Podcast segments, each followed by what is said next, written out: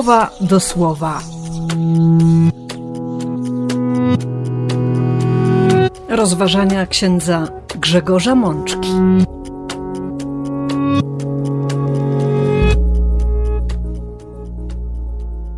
Dwudziesta siódma niedziela zwykła, rok A.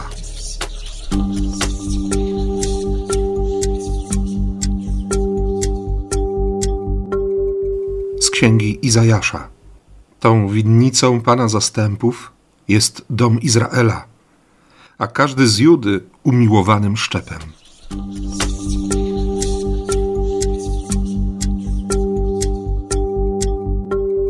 Z Psalmu 80. O Panie, Boże zastępów, odwiedź nas od błędu, ukaż swoje oblicze, a będziemy ocaleni.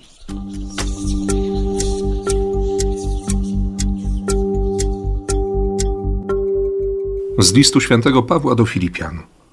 Wreszcie, bracia, cokolwiek prawdziwe, cokolwiek dostojne, cokolwiek sprawiedliwe, cokolwiek święte, cokolwiek życzliwe, cokolwiek chwalebne, czy to jakaś cnota lub czyn jakiś godny pochwały, to miejcie w myślach.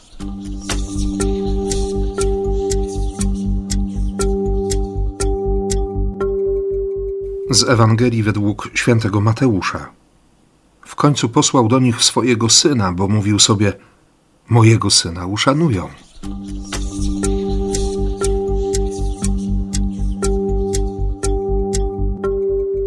Siostry i bracia, cieszę się, że po raz kolejny możemy spotkać się przy słowie Boga.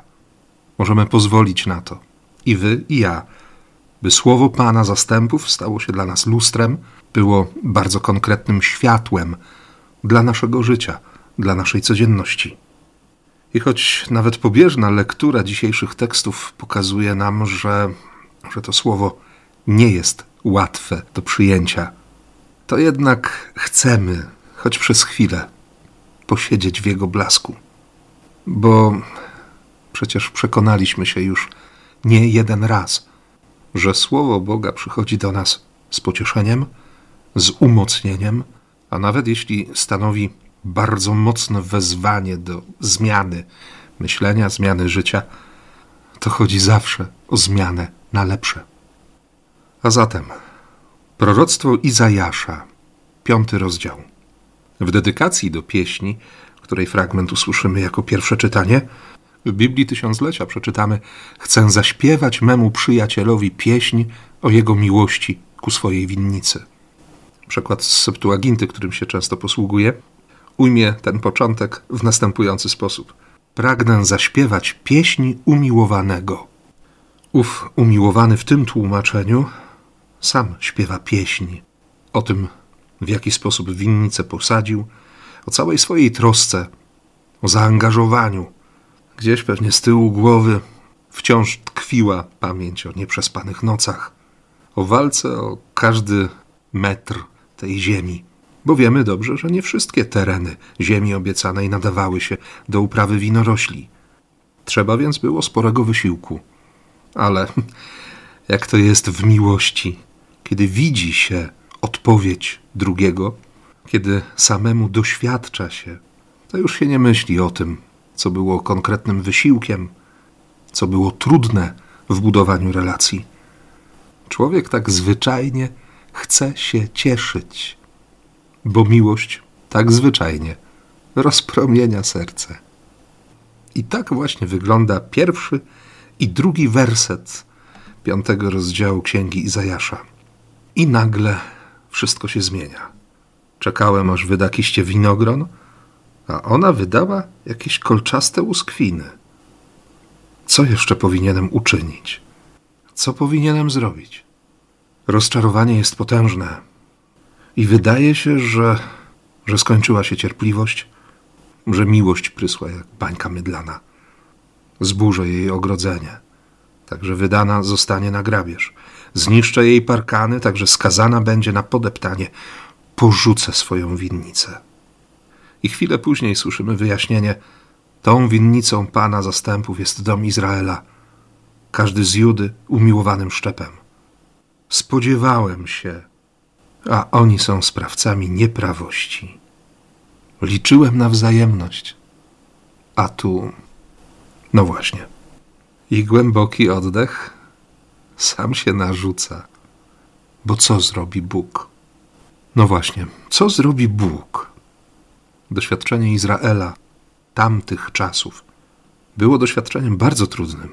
Faktycznie przekonali się o tym, że opuszczenie źródła wody żywej skutkuje otarciem się o śmierć. Ale Bóg nie przestał kochać, bo w kolejnym rozdziale Izajasz ma wizję otwartego nieba.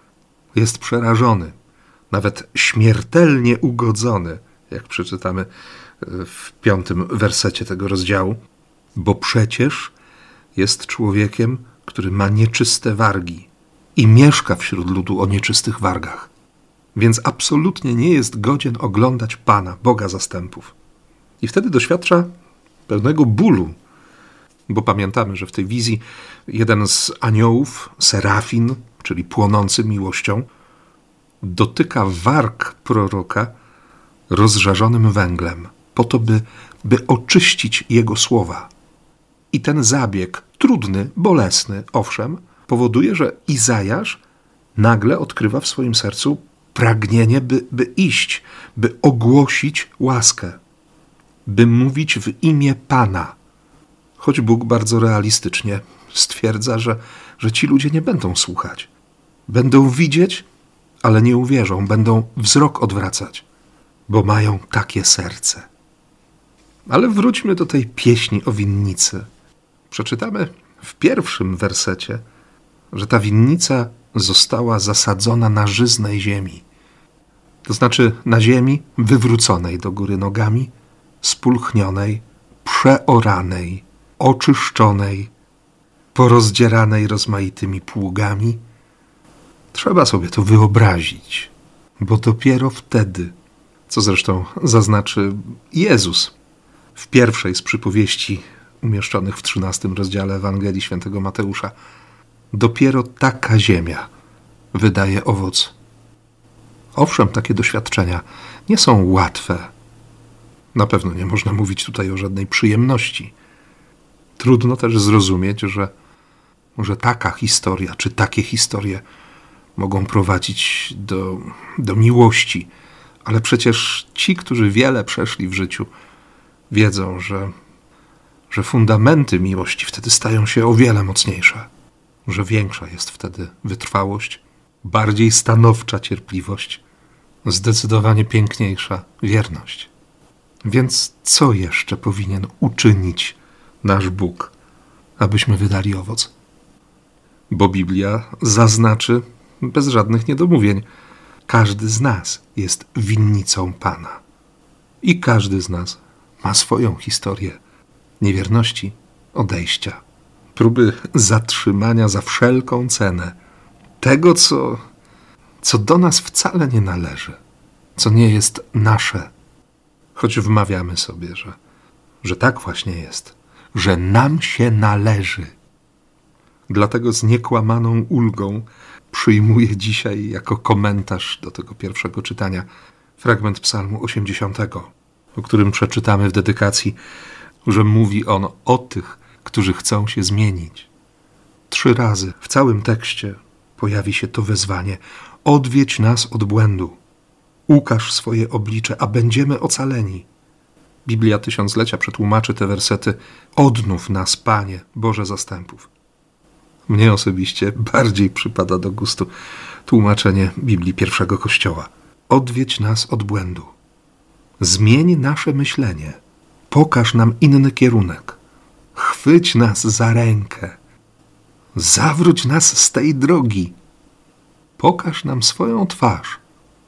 Będziemy ocaleni. Spojrzeć w twarz Boga. Wspomniałem już, że Izajasz w szóstym rozdziale swojego proroctwa, kiedy, kiedy zobaczył siebie w niebie, był przerażony. Spodziewał się tylko jednego. A autor Psalmu 80 modli się z ogromną odwagą, wypływającą chyba z tego przekonania, że, że inaczej się nie da. Ukaż nam swoje oblicze. Kiedy słyszę tę żarliwość, tę modlitwę, to pragnienie, Wiem, że jednym ze sposobów, z jakich Bóg korzysta, by pokazać nam swoją twarz, jest postawienie przed nami ludzi, którzy kochają, którzy prawdziwie kochają Boga i człowieka, których serce bije w rytmie Bożego serca. Może warto się rozejrzeć wokół siebie. Może Bóg liczy na to, że, że dostrzeżemy takie osoby, że ucieszymy się ich obecnością. A może trzeba pójść o krok dalej i zobaczyć, że, że to my jesteśmy tymi, w których Bóg ukazuje swoją twarz, że to my jesteśmy ocaleniem dla naszych sióstr i braci. My, którzyśmy poznali Boga, którzy doświadczyliśmy miłosierdzia, którzy wiemy, jak smakuje zło i wciąż chcemy bardziej rozsmakować się w dobru. Bo apostoł narodów w trzecim ofiarowanym dziś dla nas słowie, krótkim fragmencie z czwartego rozdziału, czyli ostatniego rozdziału listu do gminy chrześcijańskiej w Filipi, powie do nas – Bracia, cokolwiek prawdziwe, cokolwiek dostojne, cokolwiek sprawiedliwe, cokolwiek święte, cokolwiek życzliwe, cokolwiek chwalebne, czy to jakaś cnota lub czyn jakiś godny pochwały, to miejcie w myślach. Czego się nauczyliście, co przejęliście, co usłyszeliście i zobaczyliście u mnie, to czyńcie, a Bóg pokoju będzie z wami. Zobaczcie, ile dobra macie pod ręką. Gdzie się nie obejrzeć, tam szansa na to, by, by być dobrym, by czynić dobro. A doskonale wiemy, że to pierwszy etap, że to jeszcze nie wszystko, że nie wystarczy być dobrym. Choć niektórzy próbują o tym przekonywać. My chcemy więcej, ale nie tak jak ci, o których słyszymy dzisiaj w Ewangelii. Nie dlatego, że się nam należy, bo tych postulatów tak zwanych uciemiężonych ludzi, uciemiężonych prawem, czy to będzie prawo naturalne, czy Boże prawo, czy jakiekolwiek inne. Ludzi, którzy krzyczą, wołają, głosują, że, że można sobie pozwolić na wszystko, że ostatecznie w ich wizjach rzeczywistości Bóg, który od czasu do czasu się pojawia, jest, jest tak bardzo różny od Boga przedstawionego nam przez Jezusa na kartach Ewangelii, Bóg jest tak karykaturalnie wynaturzony, że, że przychodzą na myśl jedynie słowa Fryderyka Niczego. Bóg stworzył człowieka na swój obraz i podobieństwo, a człowiek odpłacił mu tym samym. Tacy ludzie są bohaterami dzisiejszej Ewangelii. Choć widzimy doskonale, że Jezus kieruje tę przypowieść do faryzeuszy, do uczonych. Dlaczego? Ano powód jest jeden – Jemu zależy na nich. Tak, Jezusowi będzie zależało na grzesznikach, na poborcach podatków, na nierządnicach, na tych, którzy zmagają się z różnymi chorobami i zewnętrznymi, i wewnętrznymi, ale będzie mu też zależało na tych, którzy uważają się za, za lepszych, za tych, którzy są oddzieleni od tej nieporządnej reszty społeczeństwa. Zależy mu na tych, którzy znają Torę, znają pisma, znają proroków, wiedzą, jakie jest przesłanie Boże i, i otwartymi oczami nie widzą, otwartymi uszami nie potrafią usłyszeć. Serce ich nie rozumie. Nie potrafią zareagować zmianą myślenia, wejściem w pokutę. Cały czas myślą, że im się należy. A przecież w przypowieści przedstawionej dziś przez Jezusa Chodzi o to, by oddać owoc tego świata, by oddać owoc winnicy. W innym miejscu Jezus będzie mówił o ciasnej bramie, która prowadzi do szczęścia. Jeśli nic się nie ma, łatwiej się przechodzi. I nie ma tu mowy o rzeczach materialnych. Nie chodzi o materię, choć czasami nawet do trumny przy ciele zmarłego wkłada się rozmaite przedmioty, żeby, żeby były pomocą na tamtym świecie. Chodzi też o, o wiele poważniejsze rzeczy, tak zwany dorobek duchowy. Popróbujemy nim zaimponować Bogu, bo możemy się pochwalić przed bliźnimi, bo przecież mam swoje miejsce. Wypracowałem sobie jakąś pozycję, cieszę się szacunkiem, jestem kimś. I to nic, że święty Paweł w liście do Filipian właśnie będzie mówił o uniżeniu Jezusa, o ogołoceniu, o przyjęciu postaci sługi, a właściwie niewolnika. My sobie powiemy, no ale to była droga Jezusa, to, to Jego droga, to Jego życie. My mamy inne życie, mamy inną drogę. Tylko czy ciało może być gdzieś indziej niż głowa? Stajemy na tym rozdrożu. Jedna ścieżka prowadzi za Panem i Zbawicielem, na drugiej możemy zachować to wszystko, co mamy, ale tylko do śmierci i ani chwili dłużej. Więc o co chodzi? Myśl zawarta w tej przypowieści Jezusa jest bardzo prosta. Oddaj wszystko w ręce właściciela, w ręce gospodarza. Nie bój się położyć wszystkiego, nawet tego, co wydaje ci się Twoje, do czego z pełnym przekonaniem masz święte prawo, nie bój się tego położyć w dłoniach Boga. Bo doskonale wiemy, że nawet dobro, nawet charyzmat, jakaś łaska mogą się stać pułapką. Bywają niebezpieczne, gdy zaczynają odgrywać w życiu większą rolę niż relacja z tym, który jest dawcą tego dobra, łaski. Dary mogą być zasadzką, gdy są bardziej pożądane niż Bóg. I nie chodzi tutaj o, o jakieś wielkie rzeczy. Zaczyna się wszystko od małych spraw. Adam i Ewa w raju. Jeden owoc, jedno drzewo z tysiąca, z tysięcy. Co z tego, że zachowa się owoc winnicy, gdy ceną jest utrata przyjaźni, utrata relacji z synem właściciela? Jeśli pojawia się zachłanność, to prędzej czy później stracimy Jezusa. A Bóg wciąż ma nadzieję.